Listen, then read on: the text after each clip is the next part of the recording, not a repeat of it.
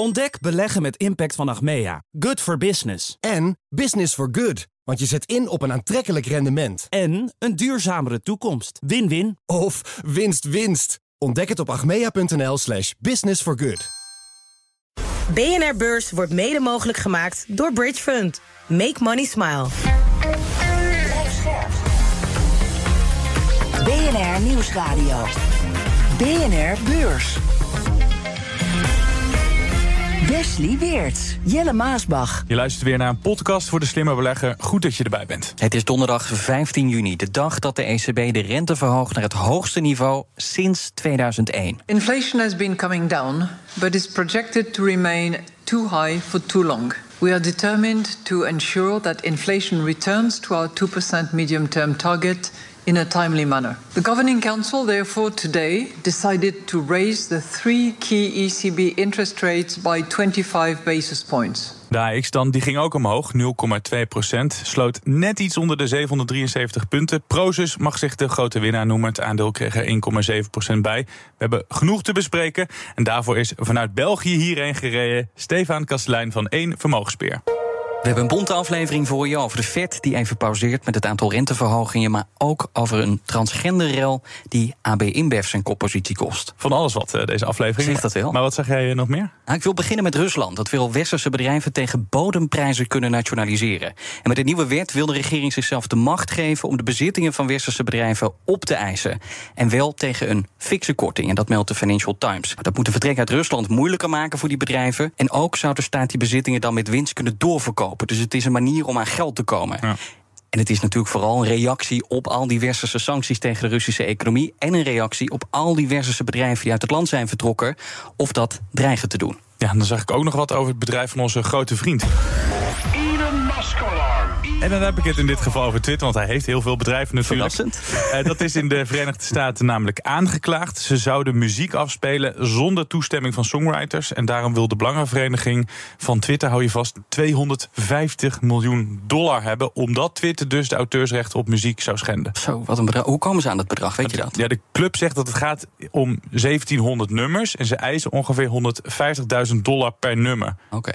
Dat is best wel een tegenval van Musk, want hij heeft, zoals we weten, 44 miljard dollar betaald voor de hele toko. Krijgt hij deze claim er ook bij. En ik vind het ook wel een beetje knullig, slecht geregeld. Want als je kijkt naar bedrijven als Snap en Facebook, die hebben wel overeenkomsten gesloten met de muziekindustrie. Dus het had hem bespaard kunnen blijven, zeg maar. Ja, ik zag ook dat er paniek is in de Amerikaanse chipindustrie. Applied Materials, en dat is even makkelijk gezegd, de Amerikaanse concurrent van ASMI, beschuldigt een Chinese rivaal van bedrijfsspionage. En dat Chinese bedrijf zou geheime informatie hebben gestolen en ook belangrijke medewerkers hebben weggekaapt. En dan gaat het bijvoorbeeld om onderzoekers die op de hoogte waren van allerlei bedrijfsgeheimen. En daarom wordt het bedrijf door Applied Materials aangeklaagd, meldt Bloomberg. Lijkt wel een beetje op dat uh, wat ASML toen. Uh had, toch? Ja, ja, dat was toen met een oud medewerker. Die werkte in China en had bedrijfsgeheimen gestolen. Maar het lijkt inderdaad ja, wel een beetje op elkaar.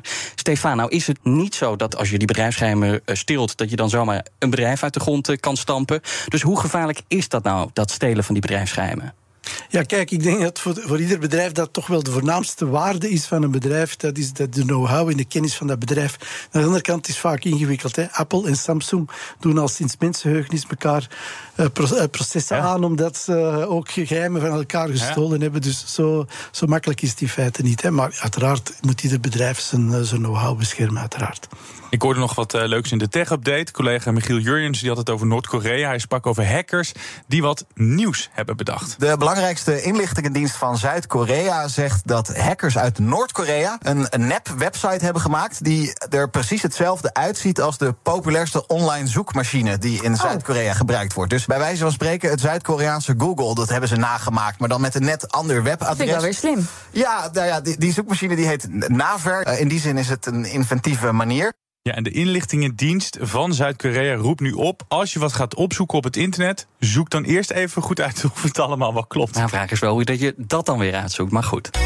AB InBev, de grootste bierbrouwer van de wereld... is niet langer meer de grootste in Amerika. Ze raakt al miljarden kwijt op de beurs. En de vraag is, raken ze nog meer kwijt? Maar we beginnen met Jerome Powell. Na tien verhogingen op rij is het voor de Fed mooi geweest. Ze pauzeren de renteverhogingen.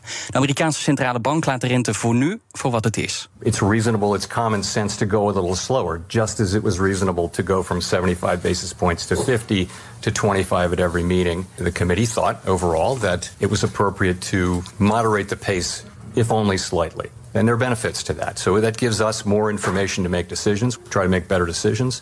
I think it allows the economy a little more time to adapt as we as we make our decisions going forward. Beleggers lijken er niet gerust op, want na dat evalueren waar Powell het over had zojuist, kan de rente in juli weer worden verhoogd. Maar hoe zeker is dat, Stefan? Gaan ze, denk je, nog door met dat verhogen? Kijk, er is toch wel iets heel eigenaardig met die centrale banken. Hè. Het centrale tarief in de VS is nu niet verhoogd, maar het is nog altijd 5 à 5,25. Terwijl de rente op een tienjarige Amerikaanse staatsobligatie is 3,83 vanmorgen. Hè. Dus de yieldcurve is zeer invers. Die Fed-rente is bijna anderhalf procent hoger dan de rente op 10 jaar.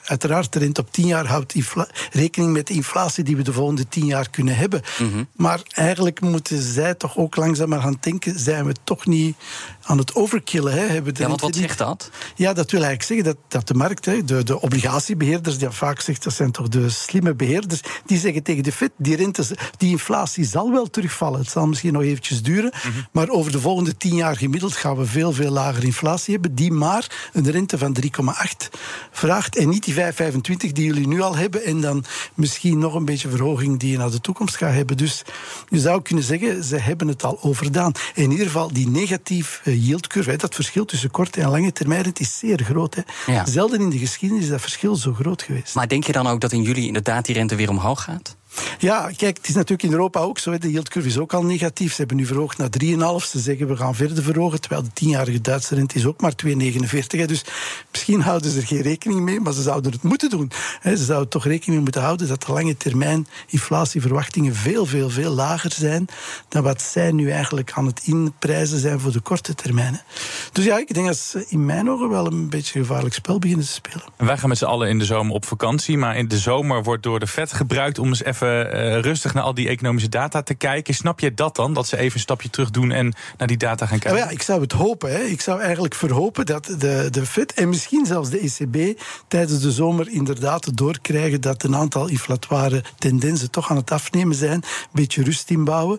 En dan misschien eh, een beetje kalmer ook zijn naar eh, het einde van het jaar toe. Hè. Dus ja, ik zou het hopen. Ik hoop Ja. dat, ze, dat ze het een beetje zien. Maar hopen, klinkt nog niet heel aannemelijk. Nee. Waar- waarom zou je sowieso als Fed nu op de pauzeknop drukken... als het zo goed of zeker is dat er later meer renteverhogingen nodig zijn? Ze moeten dat tijd geven. Hè. Ze moeten eh, de inflatie tijd geven om, eh, om te normaliseren. Als de tienjarige rente zoveel lager is en je zit al zo ver boven die tienjarige rente, waarom zou je de rente nog moeten verhogen? Die inflatie is al aan het dalen. Het gaat misschien iets minder snel dan ze zouden wensen. Zoals ze dus in het begin ook meer sneller gestegen is dan ze verwacht hadden. Dus ja, ik zou hopen dat ze tijdens de zomer zo eens rustig layback zijn en, en de realiteit eh, een beetje in de ogen zien. Wij weten het nog niet helemaal zeker. Daar bij John Powell op kantoor weten ze het nog niet helemaal zeker. Wat moet je hier als belegger nou mee? Wat betekent dit uiteindelijk voor de beurshandel, denk jij? Ja, ik denk wel dat we misschien wel inderdaad, wat vaak zo is, een, een beetje een, een, eh, ja, een kalme zomer krijgen. Men spreekt trouwens voor de markt in zijn totaal, totaliteit een beetje over de boar market. Hè. Dus geen bull, hè, stijgende markt, of bear, dalende markt, maar een verveelde markt. Ja. Alhoewel natuurlijk bepaalde sectoren het wel goed doen, zoals we het weten. Maar de markt in zijn geheel is eigenlijk relatief flat. Nou zag ik ook analisten die eh, verwezen terug naar de jaren 80. Toen had de Fed een zogeheten stop-and-go-beleid. Dus de rente ging omhoog om de inflatie tegen te gaan. Maar ook deden ze de rente omlaag om de economische groei te stimuleren. Alleen telkens als de rente dan werd verlaagd, dan steeg de inflatie weer. Dus dan deed je het eigenlijk voor niks. Zie jij gelijkenissen met toen? Ja, een vergelijkenis. In ieder geval, vorig jaar was er een heel forse gelijkenis. Want eigenlijk die crisis is toen ontstaan door de oliecrisis. Een enorme stijging van de olieprijzen had toen de inflatie enorm opgedreven. We hebben die stijging van de olieprijzen vorig jaar ook gezien, maar toch niet in de mate zoals eind jaren 70, begin jaren 80. En nu is ondertussen die olieprijs al teruggedaald. Hè, en ook de gasprijs teruggedaald. Dus die inflatoire druk is al wel wat afgenomen. Dus ja, ik, nee, ik denk niet dat het helemaal vergelijkbaar is. En, eh, en ik denk dat dat misschien hetgeen is dat bij velen speelt. Dat men zegt, ja, je ziet, eh, we maken terug eind jaren 70, begin jaren 80 mee, maar de verschillen zijn altijd zo groot. De geschiedenis herhaalt zich altijd op een andere manier. Ja, de Fed eh, pauzeert, de ECB gaat gewoon verder. We hoorden net al Christine Lagarde. Maar hoe ziet het pad of de reis, zoals zij dat altijd zo mooi zegt, er daarna uit? Ja, als je haar hoort, hoort praten, is het ook zo. We're not there yet. Inderdaad, die 2% inflatie hebben we nog niet. Hè? Nee. Maar ja, ook daar, zoals gezegd, tienjarige Duitse rente is toch al bijna een procent lager dan die, dan die ECB-rente. Als ze nu nog een beetje verhogen, want dat hebben ze eigenlijk al aangekondigd. Ja, dan wordt die negatieve yieldcurve ook maar erger. Dus het einde van die rit moet toch dichtbij zijn. Dat kan niet anders. Is het makkelijker inschatten wat de ECB gaat doen dan wat de Fed gaat doen? Is het allebei gewoon heel lastig? Ja, ik denk dat eigenlijk de in- inschatbaarheid van wat ze gaan doen, was er eigenlijk wel, vind ik. Alleen, in, naar mijn mening, zijn ze het aan het overdoen. Ze duwen de rentes te hoog, zowel in de, in de VS als in Europa. Maar goed, de Fed neemt even pauze. Die neemt even rust om de boel eh, te evalueren. Gaat de ECB dat ook doen, Lagarde, of blijft die doorgaan? Want ze zijn tenslotte eh een van de laatste die de rente verhoogden. Eh blijft ze nu gewoon stoïcijns doorgaan? Ja, ik denk die, die volgende in juli die zal er nog wel komen. Dat is zo, al zo aangekondigd. Maar toch, wat heel belangrijk is, de kredietverlening is heel fors aan het terugvallen. Hè. Dus en ik denk dat dat. Dat, dat ze moeten zij toch ook kunnen beginnen inschatten dat die dalende kredietvraag dalende groei betekent en ook lagere inflatie. Dus ik verwacht dat, eh, dat we het einde van de rentestijging wel zien. BNR Beurs. Ondanks de hint op meer renteverhogingen stijgt Wall Street. De Dow Jones staat 1,2% hoger. De S&P 500 krijgt er 0,9% bij. En de Nasdaq 0,6% Aandeel dat er eh, uitspringt is Domino's Pizza. Zo, daar hebben we het niet heel vaak over. Daar hebben we het nog nooit over gehad, volgens mij. Aandeel staat ruim 6% hoger. Zo. En ze krijgen een opwaardering van analisten. Want, zeggen ze, de tweede helft van het jaar... dan worden er meer pizza's verkocht. Ze zijn dus eh, optimistisch over de verkopen van Domino's. En dan wil ik ook nog even winkelketen Target hebben genoemd. Hè, hadden we het eerder wel over, want dat stelde toen teleur met de kwartaalcijfers en met de vooruitzichten. Daardoor is het aandeel ook best wel hard afgestraft. Maar het aandeel gaat nu omhoog en wel met 2,9 procent. En dat heeft te maken met het kwartaaldividend. Dat wordt verhoogd en dat is een eh, onverwacht cadeautje. Kijk, dan ook nog even Microsoft. Want het aandeel kan vandaag een persoonlijk record breken. Kwam namelijk op het hoogste punt ooit sluiten. De hoogste stand tot nu toe 343 dollar en 11 cent. Ze staan nu op 346 dollar en 10 cent. Dus als ze hierop sluiten, dan gaan ze daar makkelijk overheen. Als Microsoft een nieuwe all-time high neerzet, dan is dat alweer het derde grote techbedrijf die dat doet. Eerder al Nvidia en eh, Apple. En dan is gelijk de vraag: waarom doet Microsoft het eh, zo goed? Ook zo'n bedrijf dat al heel lang meegaat. Ja, absoluut. Microsoft gaat al heel lang mee. Is ook al eens deel geweest van de dotcom-bubbel. Maar ik denk, nu speelt enerzijds wel ChatGTP, waar zij voor zijn geïnvesteerd hebben. Ook de cloud business, die toch ook wel eh, profiteert van die artificiële intelligentie en, en het stabiele businessmodel. Dus ja, Microsoft is een aandeel dat wij toch ook in portefeuille hebben. En dat lijkt toch een van de ja, ultieme winnaars in de wereld waarin we nu leven. Hè. BNR Beurs. Dan naar AB InBev. De problemen in Amerika worden groter en groter. Door een promotiestunt met een transgender is hun belangrijkste biermerk, Bud Light, voor het eerst in ruim 20 jaar niet meer het best verkochte biertje van de Verenigde Staten. Bud Light is no longer the best selling beer in America, knocking the beverage to the number two spot behind new beer champ Modelo Especial. Bud Light's tumble comes after the brand was caught in the crosshairs of the culture wars, with sales slumping after a social media promotion in April with transgender influencer Dylan Mulvaney. De verkopen van Bud Light daalden met een kwart. En dat is een nieuwe opdonder voor het bedrijf dat eerder al tientallen miljarden dollars op de beurs verloor. Stefan, hoe hebben de Belgen de Amerikaanse klanten zo kunnen onderschatten? Ja, dus ik denk, eh AB InBev is officieel een Belgisch bedrijf, maar natuurlijk in praktijk de headquarters zijn in New York. Ja. ze hebben zich wel duidelijk miskeken. Ze hadden blijkbaar die influencer een gepersonaliseerd blikje gestuurd en dat is dan overal uiteraard op Instagram gekomen. En ja, inderdaad, het conservatieve Amerika, Joe Sixpack, hè, letterlijk degene die die zes biertjes drinkt, ja, die, die, die houdt daar niet van. Hè. Dus ja, dat, je kan het misschien wel een misser noemen om, om eigenlijk je, je achter, echte achterban zo, zo te raken. Hè. Amerika is natuurlijk oerconservatief. Het wordt steeds conservatiever, een bepaalde, bepaald gedeelte van Amerika. Ze wilden zich echt op jongeren richten. Maar misschien hebben ze zich verkeken op dat ze meer verkopen aan de gemiddelde klant, zeg maar. Ja, ik denk dat het is duidelijk. Hè. Ze hebben zich miskeken. Dit, dit was niet het duidelijke verhaal. Natuurlijk niemand had kunnen verwachten dat zo'n klein verhaaltje zo werd opgepompt. En dat is natuurlijk wel jammer dat het zo is. Uh, ja, en het is niet makkelijk, hè, want ze hebben dan proberen te reageren met andere commercials die dan ook niet zo goed aanslaan. Dus ja, het is wel, uh, het is wel pijnlijk. Hè. Dus uh, de beurskapitalisatie is met 20 miljard afgenomen. Ongekend, ja. Had jij verwacht dat een verkeerde marketingcampagne zoveel impact zou hebben op de beurswaarde van dit, deze bierbrouwer? Nee, nee, ik had het niet, absoluut niet gedacht. En ja, ik vind dat wel een beetje pijnlijk dat, dat het zo kan zijn. Hè. Maar ja, ieder eh, probleem is toch ergens een opportuniteit ook. Hè. Dus daar kijk ik van naar uit.